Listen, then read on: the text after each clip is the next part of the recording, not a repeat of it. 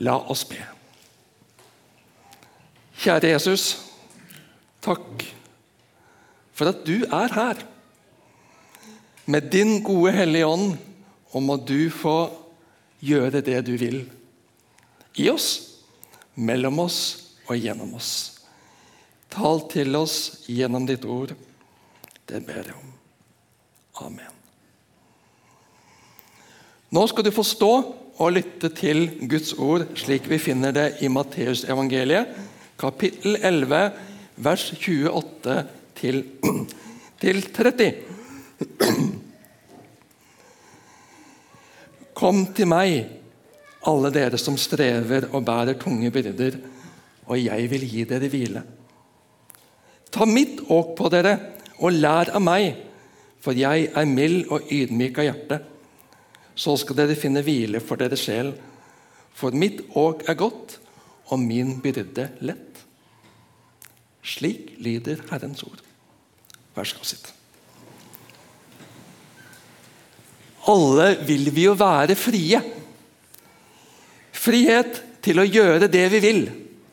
Frihet til å gjøre våre egne valg, våre egne prioriteringer. Vi ønsker jo ikke å bli styrt av andre mennesker. Selvfølgelig så vil vi ikke det. Vi vil ha myndigheten og styringen over eget liv. Som voksne, myndige, oppegående mennesker så er jo det en selvfølge, er det ikke? Og for mange så har frihetsønsket og frihetsbehovet den konsekvens at en ikke ønsker å binde seg til noe, og en ikke ønsker å binde seg til noen. Det er best å trykke 'interessert' på det Facebook-arrangementet, og ikke at en skal, for da forplikter en seg jo. Og da er en bundet tilfeller Det kan hende det dukker opp noe enda bedre. Det å gå inn i en fast oppgave, en fast tjeneste, det kan jo hindre meg i frihet til å følge en annen mulighet i neste omgang. Det er best å være fri.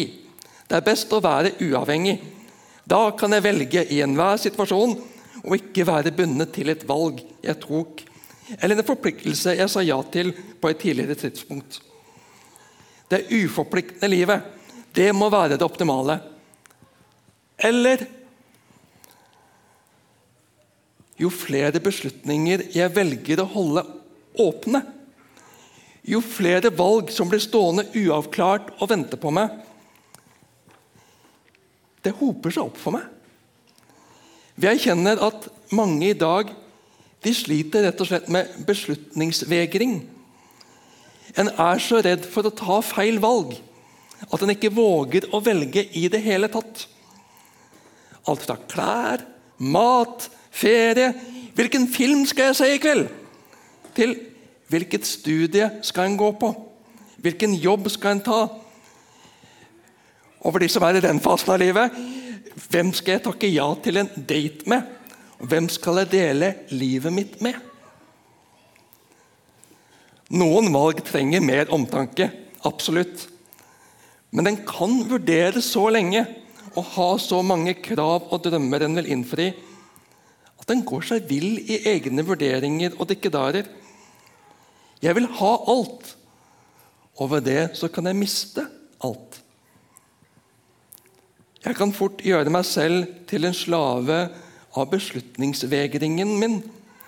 Eller en slave av selvsentrerte og nytelsesorienterte mekanismer i meg som jeg ikke selv erkjenner før det har gått lang tid. Det blir først og fremst hva jeg vil ha framfor hva jeg kan gi. Og den mening, glede og velsignelse det å gi, å være noe for andre, vil bringe inn i livet mitt. Jesus inviterer oss i dagens tekst til å legge av byrder. Det kan være byrder av valg en må ta. Engstelse for feil valg. Tyngden av at alt en føler en må prestere, få til og lykkes med. Og det kan være bekymring for mennesker rundt en. Frykt i møte med verdenssituasjonen og usikkerhet overfor egen helse.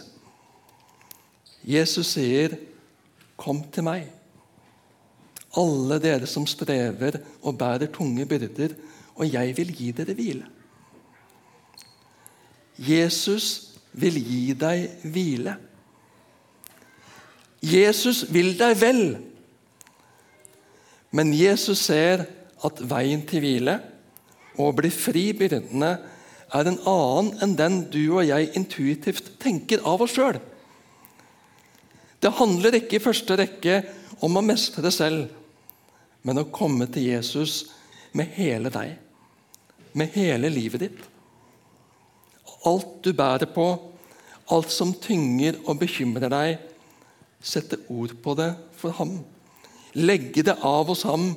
Legge av strevet. Legge av byrdene som du bærer så tungt. Gi det over til Jesus. Og så er du og jeg som voksne mennesker skrudd sammen sånn at vi egner oss ikke til å gå på tomgang lenge. Vi egner oss heller ikke til å være vårt eget navigasjonssystem. Følg hjertet ditt, lev ut drømmen. Det er populære slagord og livsmotto i dag. Men det sier oss ikke hele sannheten. De kan så lett føre oss inn i et hamsterhjul og rotterace. For det blir en ny variant av hva jeg skal få til å realisere og lykkes med i mitt livsprosjekt. Det legger byrder på deg og meg som vi ikke var ment å bære. Jesus inviterer oss til hvile gjennom å gå i tospann med Han. Jesus sier, 'Ta mitt åk på dere'. Åk det er lite bruk i Norge i dag, så vidt jeg vet. Du finner det kanskje helst på museum. Men åk det er en stokk eller en konstruksjon som legges over skuldrene for å fordele vekt og tyngde så en bærer lettere. Det kan være for å bære to bøtter fra brønnen og hjem. Så en bærer med ryggen og med hele kroppen framfor å bære med armene. Det kan være to hester som drar vogna sammen gjennom et åk og en selekonstruksjon som fordeler vekta godt. Det kan være to eller flere okser som drar plogen sammen, for de går i samme åk, og den svakeste blir styrket og ledet av den sterke. Jesus inviterer deg til å gå i åk med ham. Det er ikke meningen at du skal bære det tunge i livet alene. Det er ikke meningen at du skal bære det alene på dine skuldre. Jesus vil bære med deg. Han vil ta byrden din. Han vil ikke parkere deg på sidelinjen. 'Stakkars deg, dette er for tungt for deg å bære. Dette kan ikke du. Jeg skal ta det for deg, jeg.' Nei, ikke sånn. Jo, syndene dine har han sonet. De har Jesus tatt fullt og helt ansvar for. Det er oppgjort, tilgitt og glemt. Men Jesus gjør deg ikke til en viljesløs nikkedukke. Han vil gå med deg. Han er den sterkeste. Han har makten og kraften. Han vet retningen og det beste tempo. Han kjenner målet. Han vet å føre deg, lede deg, ta byrdene og sørge for deg. Sørge for at dette går bra uten å umyndiggjøre deg. Når du bøyer deg under hans åk, lar ham lede, lar ham være frelser og herre i ditt liv, da kan du være trygg på at du kommer i land. Du kommer i mål. Jesus inviterer deg til livet sammen med ham. Ikke et selvstendig, uavhengig liv som hviler på dine skuldre. At lykken, den må du realisere selv. Han vil gå med deg. Han vil lede deg. Han vil bære byrdene sammen med deg. Han vil frelse og ta seg av deg. Du får være disippelen som læres og ledes av Jesus. For mitt åk er godt, og min byrde er lett, sier Jesus. Hvilen finner du ikke borte fra Jesus, men i og sammen med Jesus. Friheten er ikke borte fra Jesus, men i felles åk. Vandre nært sammen med Jesus, der du kan overlate kontrollen og styringa til ham. Men for å våge å gi Jesus kontrollen, for å våge å gi Jesus styringa, så trenger vi å kjenne ham godt. Da trenger du å være helt trygg på ham. Så kan vi spørre oss hvordan blir vi trygge på andre mennesker? Jo, ved å tilbringe tid sammen. Og tilbringe mye tid sammen. Dele liv. Dele gleder og sorger, seire og nederlag, begeistring og bekymring. På den måten så vil tillit skapes og trygghet vokse. Ta mitt åk på dere og lær av meg, for jeg er mild og ydmyk av hjerte, så skal dere finne hvile for deres sjel. Jeg skal innrømme at jeg har ikke så mye tiltro til folks egenerklæring av å være mild og ydmyk. Jeg er et mildt menneske. Jeg takker for tilliten, og jeg er ydmyk i møte med oppgavene. Jeg står foran, ja. Jeg, jeg har sagt det sjøl også, men jeg liker ikke sånne egenerklæringer. Spar meg for det. Mildhet og ydmykhet det er ikke en realitet ved å si at den er mild og ydmyk.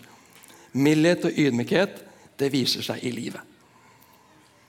Og Jesus viste det i livet. Jesus kunne være knallhard overfor de som var stolte og viste til egen fortreffelighet.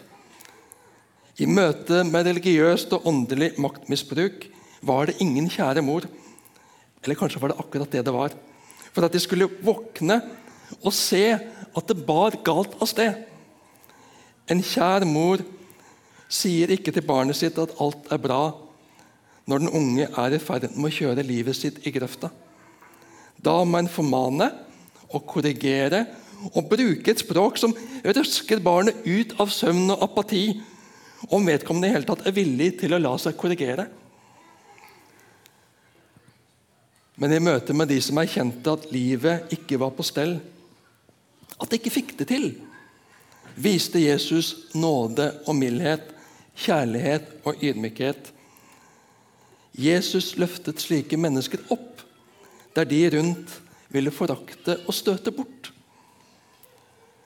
De utstøtte spedalske. Samfunnet var innrettet slik at de måtte holde seg borte fra folk og rope 'uren' om, folk, om friske folk kom dem for nær. Sykdommen var så smittsom at de måtte isoleres. Jesus han gikk nær. Han berørte, viste omsorg, helbredet.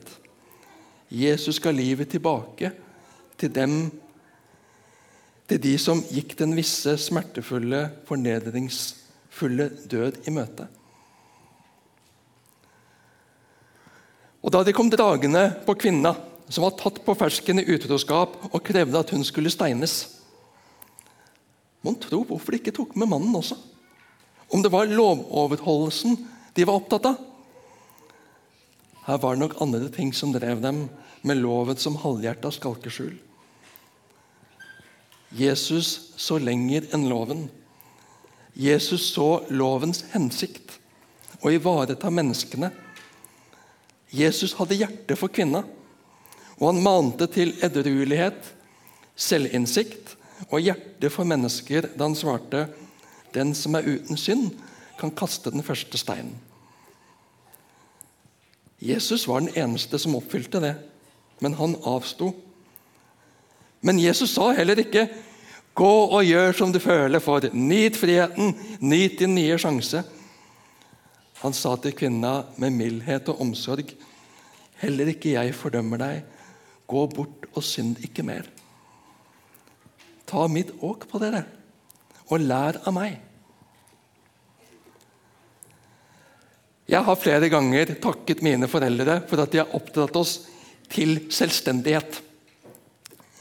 Det er ikke meningen at vi skal bindes til foreldrene hele livet på en slik måte at vi ikke er trygge på å klare oss uten dem. Barnet skal læres og fostres og gis utfordringer så den kan vokse i mestring og trygghet og selvstendighet. Barnet skal selv bli en sunn voksen som kan ta ansvar for eget liv. Ikke bindes til sine foreldre, verken ved skyldlegging, skambelegging eller holdes avhengig av foreldrenes bidrag og tilrettelegging. Barna skal lære å vokse i møte med livets realiteter og kjenne at de har en utrustning i seg selv til å stå i livet, leve livet, til å bidra i fellesskap og samfunn. Det gir glede, det gir tilfredshet, lykke og mening. Men etter syndefallet misforstår vi denne selvstendigheten. Vi anvender den på et område den ikke var ment å være. Syndefallet i Edens hage besto i at Adam og Eva ble lokket og besnæret av at de kunne bli som Gud. De var ikke tilfreds med å være skapt av Gud, til fellesskap med Gud, i en god nærhet til ham, underordnet ham. De ville selv bli sin egen Gud. Det var fallet, og der raser vi stadig nedover når det er vårt mål. Der bygger vi høye skuldre, og byrdene tårner seg opp. Og der er ingen hvile å finne. Og friheten vi først trodde det var, viser seg å være et slaveri og en nådeløshet som tar mot og mening, helse og krefter fra meg. Der er ingen hvile om jeg er den høyeste autoritet, den ypperste ansvarlige. Det er frihet og hvile i å ha en over meg som i ytterste konsekvens bærer ansvaret. Jeg kan hvile på ham. Han har kontrollen. Jeg skal slippe å ha kontrollen og løsningen. I et samfunn hvor hviledagsbudet står svakt, mens nytte og produktivitetsjag og produktivitetskrav står sterkt, så blir mange utslitt og utbrent og langtidssykmeldt. Ta mitt åk på dere og lær av meg. Gud unner oss hvile. Han har gitt oss en dag i uka til avkobling og påkobling til ham. Vi trenger å stanse opp. Vi trenger å stanse motoren. Skru av nyttetenkning, skru av produktivitetskrav og jag. Stanse opp, koble i laderen for kropp og for sjel. Hvor mange her har handla på Ikea noen gang? Opp med en hånd. Det var ganske mange. Da tipper jeg at mange av dere kom ut med en flatpakka sak. Ofte gjør vi det når vi kommer ut fra Ikea.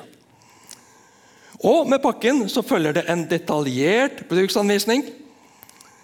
Så har jeg ikke helt funnet ut av om det er typisk norsk eller om det er typisk menneske. Men å lese og følge bruksanvisninger det er jo det kjedeligste som finnes i verden. Bruksanvisningen den finner vi helst når det stopper opp, når noe går kaldt. Bibelen blir av mange sett på som en gammel bok som man ikke kan legge så mye vekt på. Og selv en del kristne som sier at Bibelen er viktig for dem, leser lite i den og lar seg i liten grad formes og preges av Guds ord, det er et risikoprosjekt. Da er det lett å gå seg vill og bli ført vill av andre som har en annen agenda. Jesus sier, 'Ta mitt åk på dere og lær av meg'. Jesus ønsker å gå i tospann med deg. Jesus ønsker å ta byrden av dine skuldre og bære den sammen med deg. Han ønsker å gi deg hvile. Men, men det blir lite hvile når du skal finne ut av ting selv, og ikke lytter til skaperens vilje og plan for sin elskede skapning. Det er ikke meningen at vi skal klare oss sjøl. Vi er ikke skapt til det. Vi er ikke designa til å være uavhengige skapninger som skal finne ut av alt selv. Vi er skapt til å leve i fars nærhet. Og Da vi viste ham ryggen, var hans kjærlighet til oss så stor at han ikke klarte å gi oss opp. og la oss seile vår egen sjø. Jo, vi må bære konsekvensen av våre egne valg her. Det er en del av menneskeverdet. Han behandler oss ikke som ansvarsløse drittunger og fikser alt for oss på null komma niks. Gud, vår Far, behandler oss med respekt, og han er den som lider mest. Han er den som smertes mest når noen av hans kjære skapninger lider. Og han lager en vei ut av det. En redningsvei. En frelsesvei. Han sender sin sønn. I realiteten så stiger han selv ned. Det er våre bilder og erfaringer som skaper en større avstand mellom far og sønn enn det som er realiteten i Gud. Gud selv bærer konsekvensene av all verdens synd. Jesus, Guds sønn, lider soningsdøden. Jesus blir forlatt av Gud sin far for at vi skal slippe å bli forlatt. Og han inviterer oss tilbake til seg. Kom til meg, alle dere som strever og bærer tunge byrder, og jeg vil gi dere hvile. Profetene fortalte og forberedte folket på det, som vi leser hos profeten Hosea. Kom, la oss vende om til Herren. La oss lære å kjenne Herren. La oss jage etter å kjenne Ham. Sikkert som soloppgangen kommer Han. Han kommer til oss lik regnet, lik vårregnet som hveter jorden.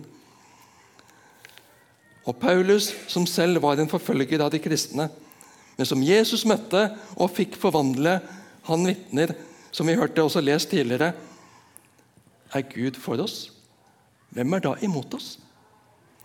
Han som ikke sparte sin egen sønn, men ga ham for oss alle, kan han gjøre noe annet enn å gi oss alt sammen med ham? Hvem kan skille oss fra Kristi kjærlighet? Nød? Angst? Forfølgelse? Sult? Nakenhet? Fare eller sverd? Nei, ingenting. Men i alt dette vinner vi mer enn seier ved Ham som elsket oss. For jeg er viss på at verken død eller liv, Verken engler eller krefter, verken det som nå er, eller det som kommer, eller noen makt. Verken det som er i det høye eller i det dype, eller noen annen skapning, skal kunne skille oss fra Guds kjærlighet i Kristus Jesus, vår Herre. Jesus inviterer deg inn til seg. Kom til meg, alle dere som strever og bærer tunge byrder, og jeg vil gi dere hvile. Ta mitt åk på dere og lær av meg, så skal dere finne hvile for deres sjel. Du skal få slutte å streve.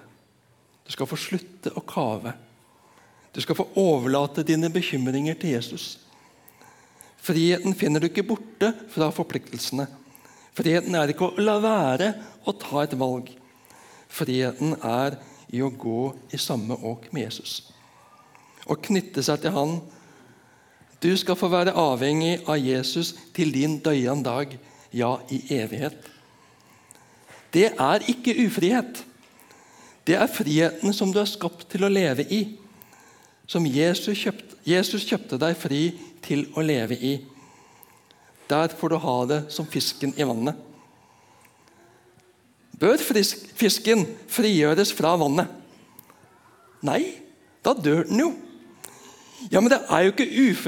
Det er jo ikke frihet, men det er Men er, det ikke, er ikke det ufrihet å måtte være i vannet hele tida, da?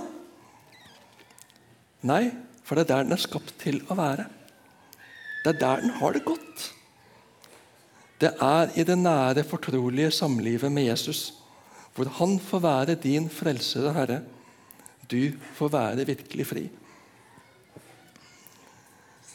Noen ganger så har vi som ivrige evangeliserende kristne snakket om at å bli en kristen det er bare å ta imot Jesus. Det er bare å tro, det er ikke noe du skal gjøre. Nei, det er ikke noe du og jeg verken skal eller kan gjøre for å frelse oss selv. Men tro er heller ikke en teoretisk, teknisk ting. Tro er tillit. Tro er fortrolighet. Tro er tilflukt. Tiltro til Han som har gjort alt for deg og meg. Det er ikke noe jeg heller vil enn å leve nær deg, Jesus. Tilbringe rikelig tid med deg. Vokse nærmere deg. Der er friheten. Der er hvilen. I det fortrolige samlivet med Jesus. Der er du fri til å leve og utfolde deg. Fri til å vokse i, bruke deg i, glede deg i, hvile i livet som Gud har skapt deg til å leve. Amen.